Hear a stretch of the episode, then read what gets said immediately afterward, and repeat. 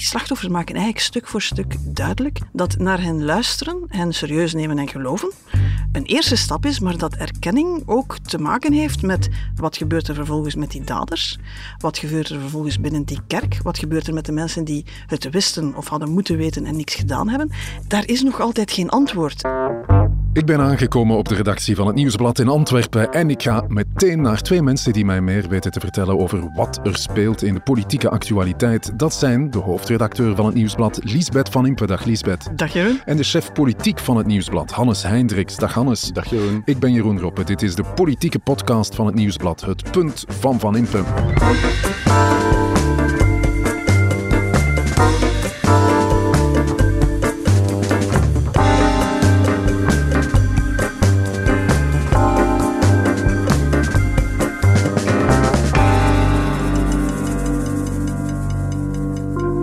Op weg naar hier heb ik geluisterd naar The Insider, de Actua-podcast is dat van het Nieuwsblad, zoals elke dag. En uh, je zei daar een aantal interessante dingen, uh, Hannes, over de Vlaamse minister van Begroting, Matthias Diependalen. Ik dacht, ja. laten we het niet hebben over de minister-president Jan Jan Bon. Misschien is Diependalen journalistiek net iets interessanter. Wel ja, het ging inderdaad uh, een ganse week over de begroting. Hè. Er is uh, een nieuwe begroting aangekondigd door inderdaad minister-president Jan Bon. In de coulissen loopt uh, Matthias Dippendalen daar dan rond. Die geeft interviews, die verdedigt van alles we hebben een beetje in de indruk dat hij zich toch aan het warmlopen is om zelf misschien de rol van minister-president Jan Bon over te nemen. Kijk eens aan, Matthias Diependalen, dus daar hebben we het zo meteen over. Een ander punt maken we over de kerk. Het was uh, alweer even geleden dat een tv-programma zoveel deining veroorzaakte als uh, God vergeten. Heb jij gekeken? Ik heb gekeken en ik denk dat we na de eerste, de tweede en de derde al zeiden van moeten we er in de podcast niets mee doen. Ja. Ik ben wel blij dat we nu tot de vier, de laatste aflevering was deze week op tv. En je voelt ook politiek komt er van alles los. Uh, maar ook maatschappelijk, het debat is helemaal terug. En de eerste vraag die je moet stellen is van hoe kan het dat het ooit weg geweest is? Ja, we hebben het uh, er zo meteen ook over. De wijn die ik heb meegebracht, die komt uit Waals-Brabant, meer bepaald uit Waver en Ottigny eigenlijk. Daar stroomt de Deile. In het Frans is dat La Dille. En uh, van daar dus de naam Les Pieds de la Dille, of Les Pieds dans la Dille. Een bijzonder interessant participatief wijnproject. We drinken een Chamboursin op jullie gezondheid. ピッ! Zijn de uitkeringen die voortdurend verhoogd zijn. Um, het, het, het, is eigenlijk de mensen die niet werken en die dus geen activerende, of niet, niet, niet ja, bijdragen aan ons systeem, die de laatste jaren het meest bijgekregen hebben. Die uitkeringen zijn altijd gestegen. Men heeft de, de, de sociale energie gekregen en ga zo maar door. Die hebben ook goedkope kinderopvang, die hebben ook goedkope, waar we nu ook iets aan veranderen, die hebben ook goedkoper openbaar vervoer. Inderdaad, ik denk dat wij moeten focussen op die groep die de laatste jaren net minder gekregen heeft. En dat is ook bevestigd door de Nationale Bank. En dat zijn die onderste delen van, van, van, van de middenklasse, van de werkende uh, middenklasse. Matthias Diependalen, de minister van Begroting, neemt het op voor de werkende middenklasse. De armsten die krijgen al uh, genoeg. Moet ik het zo interpreteren eigenlijk, Lisbeth? Ik denk dat Matthias Diependalen het niet zou kwaad zijn als je het zo samenvat. het ging over het uh, algemeen vrij vlot, had ik de indruk, hè, de begroting. Ja, het ging vrij vlot. Hè. Net omdat ze gewoon uh, ja, eigenlijk een zak geld op tafel hebben gezet uh, vlak voor de verkiezingen.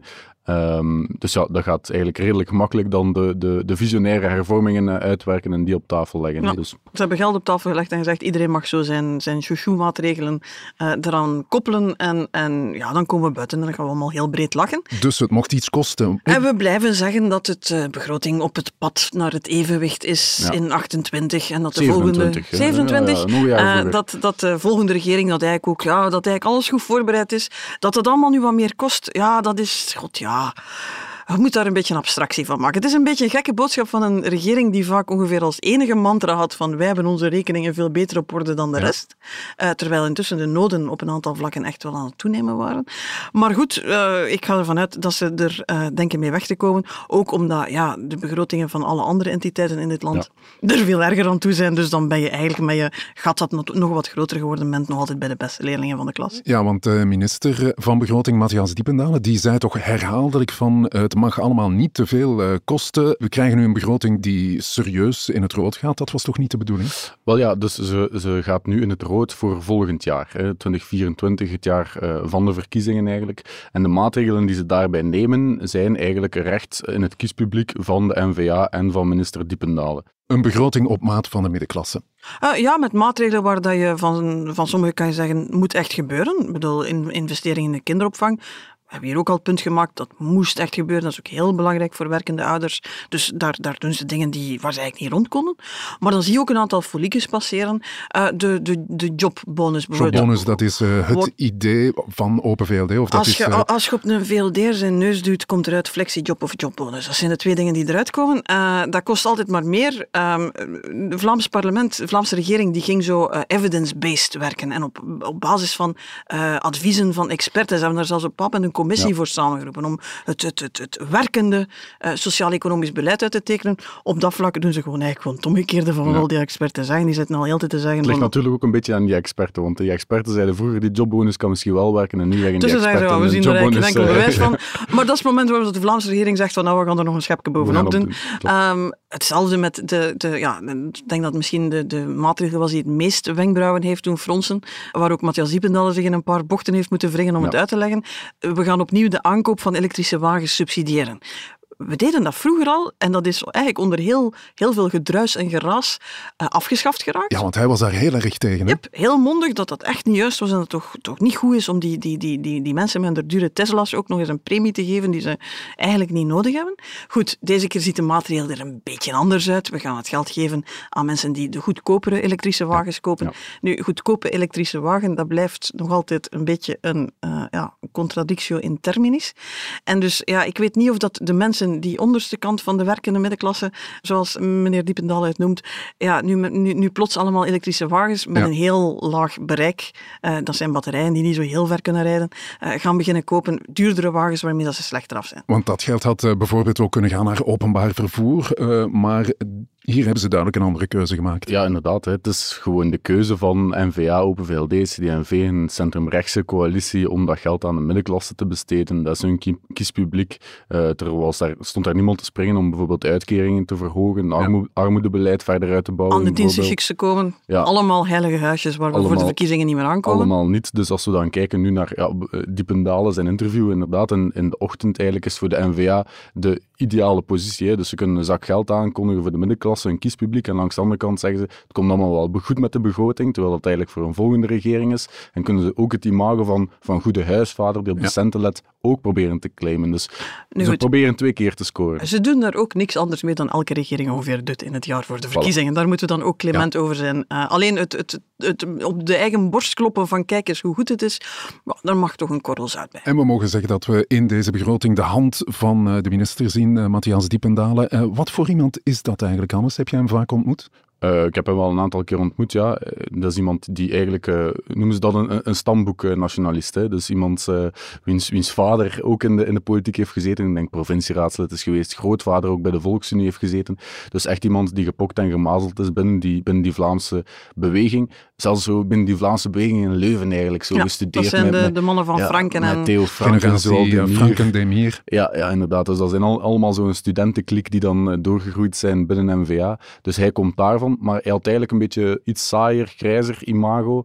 De man um, van de centen. Hij ja. wordt wel eens uh, een soort van baby Thatcher genoemd. Ja. Hij is uh, sociaal-economisch... Uh, ga je, ga je binnen NVA weinig mensen vinden die zo strikt in de leer zijn over kleine overheid, uh, niet ja. te veel uitgeven, een niet te veel pamperen. Een echte neoliberaal, in die mate ook dat hij er ook gewoon trots op is. Ja. Hij is de man die uh, erin slaagt om uh, sociale woningbouw te moeten coördineren en eigenlijk jaar na jaar zegt van, tja, goh, men krijgt geld niet uitgegeven. misschien moeten we het aan bouwpromotoren geven. Misschien moeten we studentenkoten mee bouwen. Terwijl er een wachtlijst is van, van je welste voor sociale woningen. Ja. Dat iedereen weet dat er een probleem is uh, op de sociale huurmarkt. Uh, op de huurmarkt toekoer. Dus ja, je voelt dat dat iets is waar bij Matthias Iependalen, dat is geen onkunde, dat zijn keuzes. Ja. En ik denk dat die keuzes bij hem heel diep geworteld zijn, dat hij daar echt van overtuigd is dat dat eigenlijk niet de kerntaak van de overheid is. Ja. Uh, je zag hem ook nu al met heel heel veel optimisme zeggen van ja, al dat geld van de, de, kinderen, de kinderbijslag, we gaan nog wel zien of dat, dat uitgegeven wordt. Ja, je moet wel die onthaalouders of de voorzieningen vinden, dus de kans dat dat, dat niet echt lukt. Ja. Het is algemeen een kritiek die je wel kan geven van ja, beslissen hoeveel geld je eraan geeft is één ding. Er vervolgens beleid mee gaan voeren en ervoor zorgen dat dat geld goed terechtkomt, uh, dat is een ander paar mouwen. En in het geval van Matthias Diependalen is de conclusie, het is nergens terechtgekomen, we hebben het eigenlijk niet uitgegeven, vaak de gewenste uitkomst. Ja, Matthias Diependalen is dus uh, een neoliberaal type boekhouder eerder dan uh, type masked singer, hè? zo mag ik het zeggen. Ja, ja, Oeh, ik heb hem zien dansen op, op, op Ja? Instagram. Niet gezien? Ah, nee, Met een burgemeester, de, de, de vervangende burgemeester, daar moet je eens naar kijken. Ah, nee, ik nee, vind dat er toch een, eh, een, een, een lichte auditie in zat. Eh, de, nee, ze zijn eh, dynamisch aan het dansen en de, de beentjes worden gezwierd, Het zoals Hannes dat wel eens zegt. Als het, als het over de volgende minister-president eh, van Vlaanderen gaat, dan eh, hoor je zijn naam ook wel eens. Hè? Je hoorde vroeger vaker Zouhal Demir, maar eh, maakt Diependalen eigenlijk meer kans, denk je? Ja, we hebben al eens gezegd, als Bart de Wever zegt dat je een opvolger voor gelijk wie bent, dat dat een beetje de kus is. Hè? De kans dat je het dan nog wordt, wordt steeds kleiner. Dus in die zin pleit tegen Diependalen dat Ja. Bart Wever zijn naam ook al eens heeft laten vallen. Ja, natuurlijk, Bart Wever heeft ongeveer iedereen's naam al eens laten vallen. Dus, ja, Dat is de reden er- dat de man nog altijd de baas van zijn partij is. Hè? Iedereen heeft al eens een kus des doods gekregen. Maar er is wel een theorie die rondgaat eigenlijk binnen N-VA, dat als je kijkt naar een volgende Vlaamse regering en je volgt de peilingen zo een beetje nu, eh, ja, dan zal het wel- wellicht zijn dat N-VA op een of andere manier een, een, een akkoord gaat moeten sluiten met Vooruit. En dus dat de volgende Vlaamse regering een pak linkser zal worden dan de huidige regering.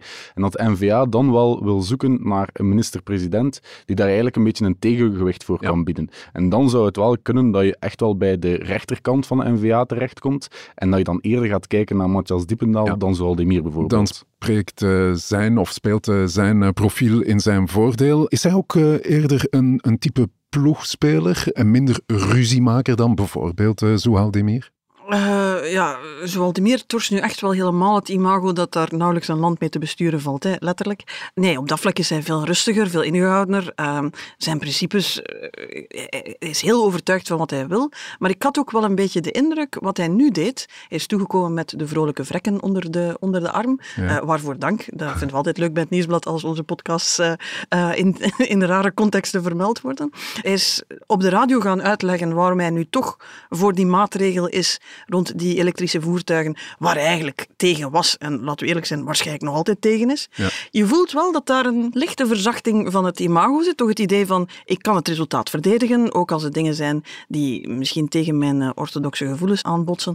Uh, ik ik heb het gevoel dat hier toch een stukje positionering ja. bezig is van net de ploegspeler, de man die uiteindelijk de vinger op de knip houdt, als nodig is toch de portefeuille openzet en het dan nog eens loyaal verdedigt. Ook. Ja, Hannes, je had het daar net over een mogelijke volgende coalitie waarvan uh, N-VA vooruit de as is. Maar binnen N-VA is er toch ook een grote strekking die uh, uh, graag een coalitie zou willen vormen met het Vlaams Belang. Behoort Diependalen tot die strekking? Goh, ik denk niet dat er heel veel kopstukken zijn die zich daar uh, openlijk gaan over uitspreken. Integendeel, dat zou zelfs tegen de, tegen de partijstrategie in zijn. Uh, achter de schermen zou je kunnen denken, ja, uh, Matthias Diependaal die zit inderdaad bij die rechterflank.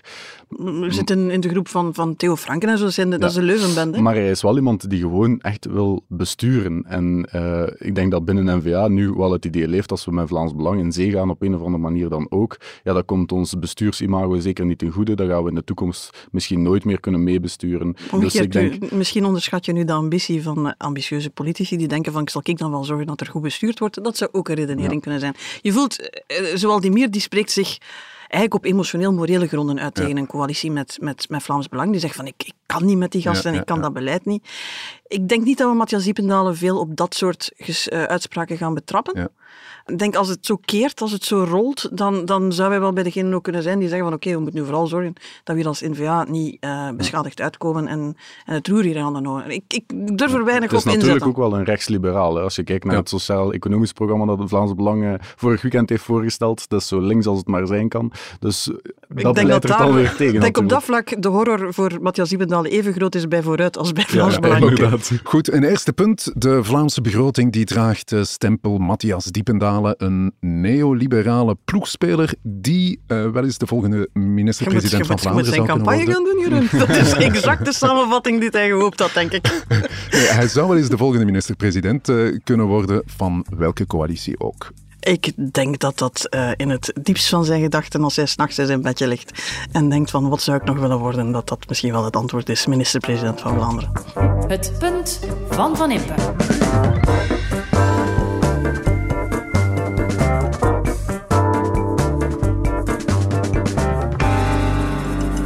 Het is goed op zich dat het herinnerd wordt. Het, het, is zo erg dat het moet herinnerd worden.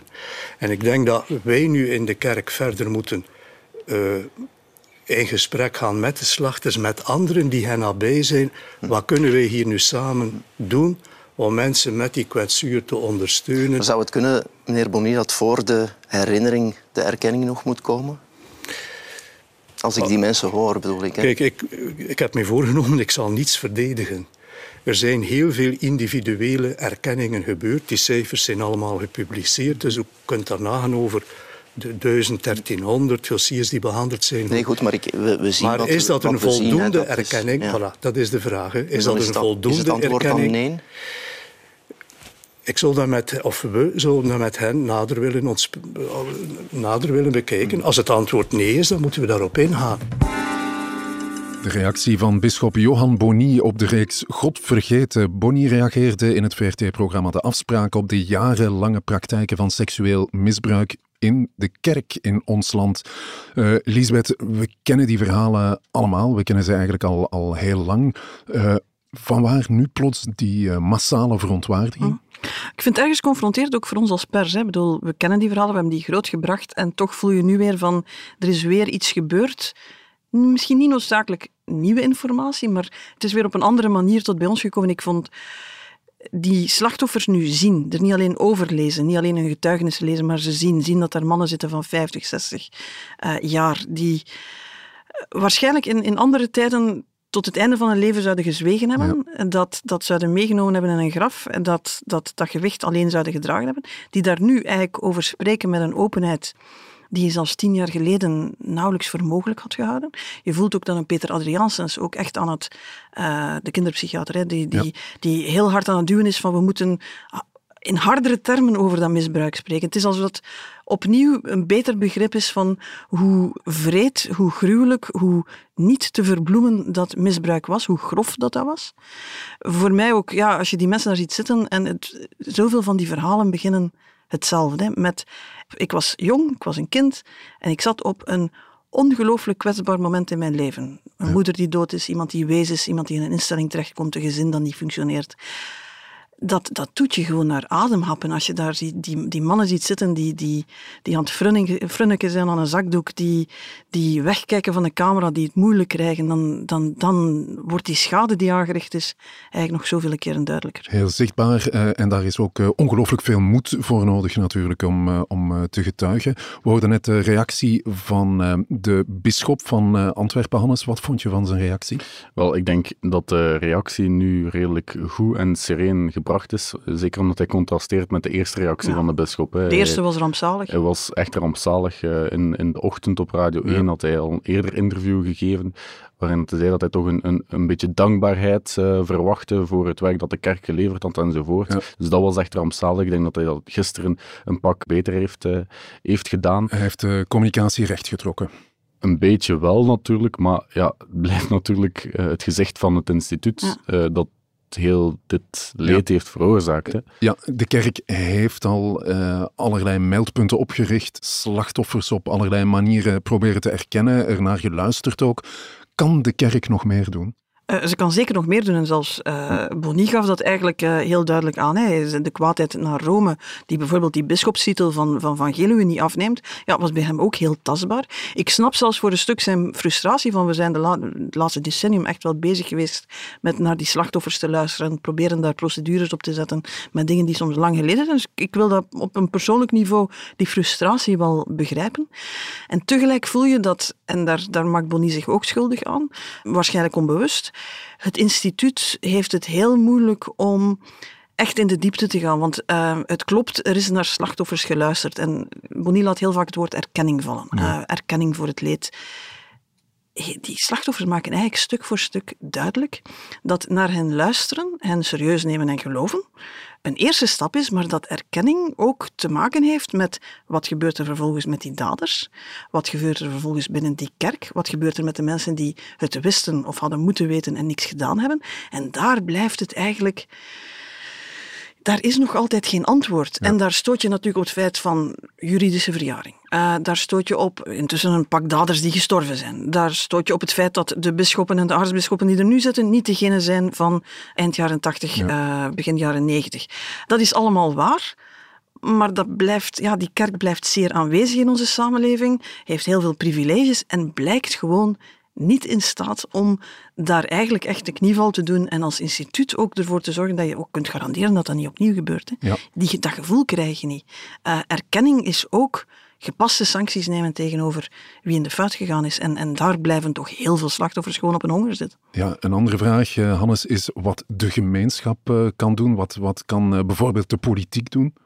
Wel ja, ik denk dat je inderdaad die drie moet onderscheiden. Hè. Je hebt enerzijds de kerk zelf, uh, dan justitie en, en de politiek. Ik denk dat je hier met grootschalig uh, kindermisbruik, maar kindermisbruik is inderdaad misschien een term die veel te braaf is. Te verhullend is, ja. ja. Het is eerder terreur uh, op grote schaal.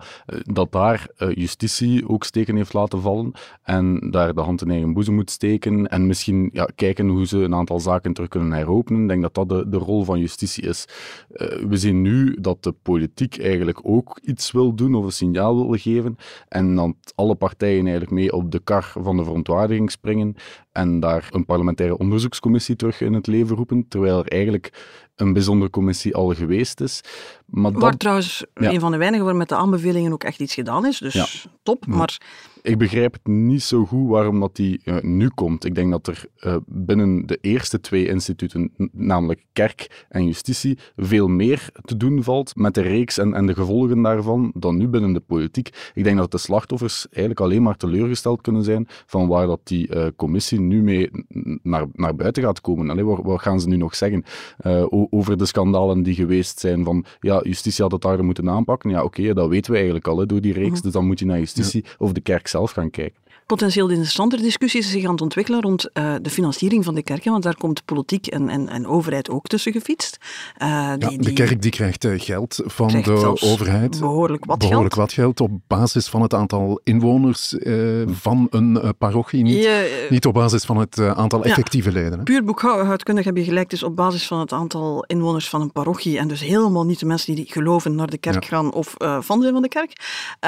je kan ook zeggen, het is een financiering op basis van de positie die de kerk 50 jaar geleden innam. Als zijnde het enige wat er is, het instituut dat gewoon deel uitmaakt van ons maatschappelijk landschap, daar heel dominant in is en ja, waar je bijna geen vragen bij stelt, dat er gewoon is en gefinancierd wordt. Eigenlijk de regels uh, rond de financiering van de kerk en dan vooral van, van priesters, de lonen, pensioenen, noem maar op, is wetgeving die tot stand is gekomen in, in, in 1831 bij het ontstaan van België, dus zo oud als de straat, letterlijk. Ja, en je kan dat dus in vraag stellen. Ik denk dat het niet gaat over afschaffen of niet afschaffen. Ja. Ik denk dat je daar naar andere systemen kan gaan kijken, waarbij bijvoorbeeld een financiering voor een stuk op basis is van de mensen die zich echt tot hun geloof bekeren. Dat is een systeem dat in, in, in Duitsland onder andere... Religie blijft natuurlijk bijzonder populair, maar er is uh, veel meer intussen dan enkel de katholieke kerk. Hè? Ja, en we hebben daar wel systemen voor, maar die katholieke kerk ontsnapt daar nog voor een stukje aan. Dat is, ja, ja. dat is die positie van 50 jaar geleden. Dus je zou kunnen gaan aan belastingplichtigen gaan vragen hè, van eh, ben jij een van die mensen die vindt dat dat, dat mee moet gefinancierd worden? En daar in verhouding uh, de, de, de financiering op gaan, er is bijna afstemmen. 1 miljard elk jaar die vanuit de verschillende overheden naar, uh, naar de geloofsgemeenschappen gaat. Dat is een, dat is een, Hannes heeft daarnet proberen uit te zoeken wie nu eigenlijk waarvoor juist bevoegd is. Ja. Het, het, het, het, is wat. is dit, Hannes, is dit nu uh, politiek een thema? nu gaat het wel een politiek thema worden, denk ik. Hoewel dat eigenlijk een beetje raar is dat dat nu pas um, uh, ja, op de agenda komt, omdat het inderdaad al, al meer dan 200 jaar, of bijna 200 jaar, hetzelfde is. Die, ja. die, die, die, regels zijn nooit aangepast. Maar je ziet ook weer die discussie over ondopen of ja. schrappen uit het doopregister. Er zijn zelfs de GDPR-wetgeving, de privacy-wetgeving van Europa op de kerk aan het afsturen, omdat ze hun doopregisters niet aanpassen. Dus je voelt, ja, daar, maatschappelijk krijg je dat niet meer zomaar verkocht, dat we op dezelfde manier blijven financieren. Oké, een tweede punt. Uh, God vergeten maakt het uh, leed van het misbruik in de kerk uh, bijzonder zichtbaar. de kerk zelf is niet in staat om daar gepast op te reageren. En we hebben een debat nodig over de financiering van de kerk. Ik denk dat het debat er wel komt. Het kan, pas op, we moeten ook rekening houden met het feit dat wat steekvlammen nu kunnen zijn op basis van de verontwaardiging. Dus laat ons vooral in het hoofd houden dat we het 13 jaar geleden eigenlijk ook al wisten en dat toen het debat eigenlijk ook wel weer wat weggegaan is. Maar ik, ik denk dat de vraag van wat is nu juist die verhouding tussen uh, met die kerk, welke plaats geven we die, hoe financieren we die en is daar naar die slachtoffers nog iets te doen dat echt die verantwoordelijkheid van die kerk erkent, historisch? Uh, ja, dat zijn de vragen die open blijven liggen en, en echt om een antwoord smeken. Het punt van Van Impe.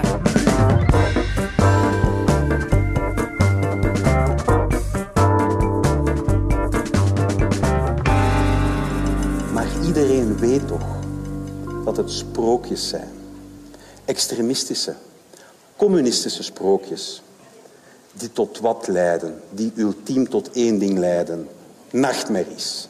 Minder welvaart, minder zekerheid, minder vrijheid. Daarom dat wij liberalen nooit zullen samenwerken met extremisten. Tom Ongena, de voorzitter van Open VLD, tijdens een overwinningsspeech op het eh, congres van Open VLD. De voorzittersverkiezing is uiteindelijk uh, vlot verlopen, heb ik de indruk. Hè? Um, Hannes? Goh ja, vlot verlopen, dat is misschien ja, iets, iets te optimistisch, uh, denk ik. Uh, want, er is ja, een man of 400 die voor Tom Ongena gestemd heeft. en uh, Els Ampe, het Vlaams parlementslid, is opgestapt uit nou, ongeveer... Daar zitten ze in zakken als zo, natuurlijk. nee, ik, nee, maar het is wel de, de, de, de verwachte uitkomst voilà. en, en, wat ook de partij ja, op gehoopt had. Ik had vooral... Ik had zo de liberalen die doen dat dan, hè, dan willen ze terug van ah, dit is de sfeer van de grote dagen, de tussenkomst van Gwendoline Rutten, de tussenkomst van Karel de Gucht, dit is echt wat wij zijn als liberale partij. En dat is dan de verwijzing naar 2004 en zo. Dan dacht ik van, ja, toen was het tragedie, nu is het fars. Ik bedoel, ja. Het, het, ja, het is bijna een parodie op wat uh, de liberalen ooit geweest zijn. Maar goed, de Open VLD kan nu uh, de verkiezingscampagne ingaan met uh, Tom Ongena als voorzitter. Dat is duidelijk en zo hoeven ze dus geen voorzittersverkiezingen meer te organiseren in volle kiescampagne. Ehm, hoe zit dat eigenlijk bij MR, de Franstalige liberalen? Want ik, ik zag dat Georges-Louis Boucher, de bekende voorzitter van MR, dat die zijn mandaat uh, eind november afloopt. Ja, daar is uh, heel wat discussie binnen de MR. Er is geks aan de hand ja, eigenlijk. Eigenlijk al, al weken en, en maanden. Uh, daar is eerste vraag geweest, gaan we met Georges-Louis Boucher naar de verkiezingen of niet? Er waren heel wat geruchten van, ja, misschien Sophie Wilmes, die voor haar zieke man aan het zorgen is, komt die terug op het toneel om het ja, stokje over te nemen. populair, hè? Ja, het stokje over Maar- te nemen van Boucher, maar Dat lijkt geen in. piste te zijn. Je hoort dus ook de naam van eh, Pierre-Yves Jolet, de minister-president van de Franse ik denk dat iedereen de revue al is gepasseerd. Dus een, eh, De Jouw namen- favoriete politicus, vallen- eh, Charles Michel, heb ik ook al gehoord. Ja, ja, laat. Dan weet je, dat is echt van de regen en de drop. En, ja. Nee, ehm, wat dat er, het, het, het interessante is, van, ja, dus eind november loopt zijn mandaat af. Eh, ze zouden dat kunnen verlengen tot na de verkiezingen. Ja. Of ze zouden voorzittersverkiezingen kunnen organiseren. En dus ehm, het gekke is dat ze eigenlijk allemaal heel veel schrik hebben. Ze weten niet of Boucher echt gaat scoren, want hij is niet zo populair. Ehm, ze weten zeker niet, in de regeringsonderhandelingen kan hij een blok aan het been zijn. Eh, het is duidelijk dat Bout Magnet denkt van alleen met een MR als het moet. En dus Ja. al die, die politici met ambitie zitten daar te vrezen dat ze daar collectief in, in de oppositie gaan gebonjourd worden. Maar hoe geraak je af van Boucher? En dus nu gaan er eigenlijk stemmen op. Laat het ons gewoon verlengen tot na de verkiezingen. Dan zien we na de verkiezingen wel wat dat er gebeurt. Want als we nu voorzittersverkiezingen doen, dan zal hij die waarschijnlijk winnen. Want er is niet direct een, een makkelijk alternatief. Ja, en dan zijn we nog voor een paar jaar vertrokken. Dan krijgen we hem helemaal niet meer weg. Ja. Dus je gaat verlengen om er rapper vanaf te zijn, basically. Ik denk dat dat ongeveer de afweging is die de MR-mandatarissen aan het maken zijn. Hij mag nog een beetje blijven, dan kunnen we hem een shot geven na de verkiezingen. Ja, dat is een duidelijk eh, laatste punt. Dus Open VLD is niet de enige partij die worstelt met eh, voorzittersverkiezingen bij MR. Eh, mag eh, Georges-Louis Boucher nog even blijven? Het punt van Van Impe.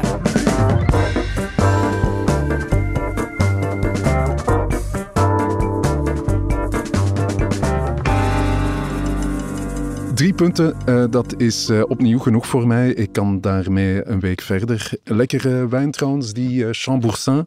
heel natuurlijk. Hè. Ik vond hem, heel natuurlijk. Dat het is een participatieve wijngaard. Dus als je in Waver woont of in de buurt, dan kan je wijnstokken in je tuin laten planten. En die moet je dan zelf onderhouden. En dan maak je deel uit dus van die VZW. Het okay. brengt mensen samen en het brengt kennis samen. Voilà. Ik ben ermee weg tot het volgende punt van Van Impe.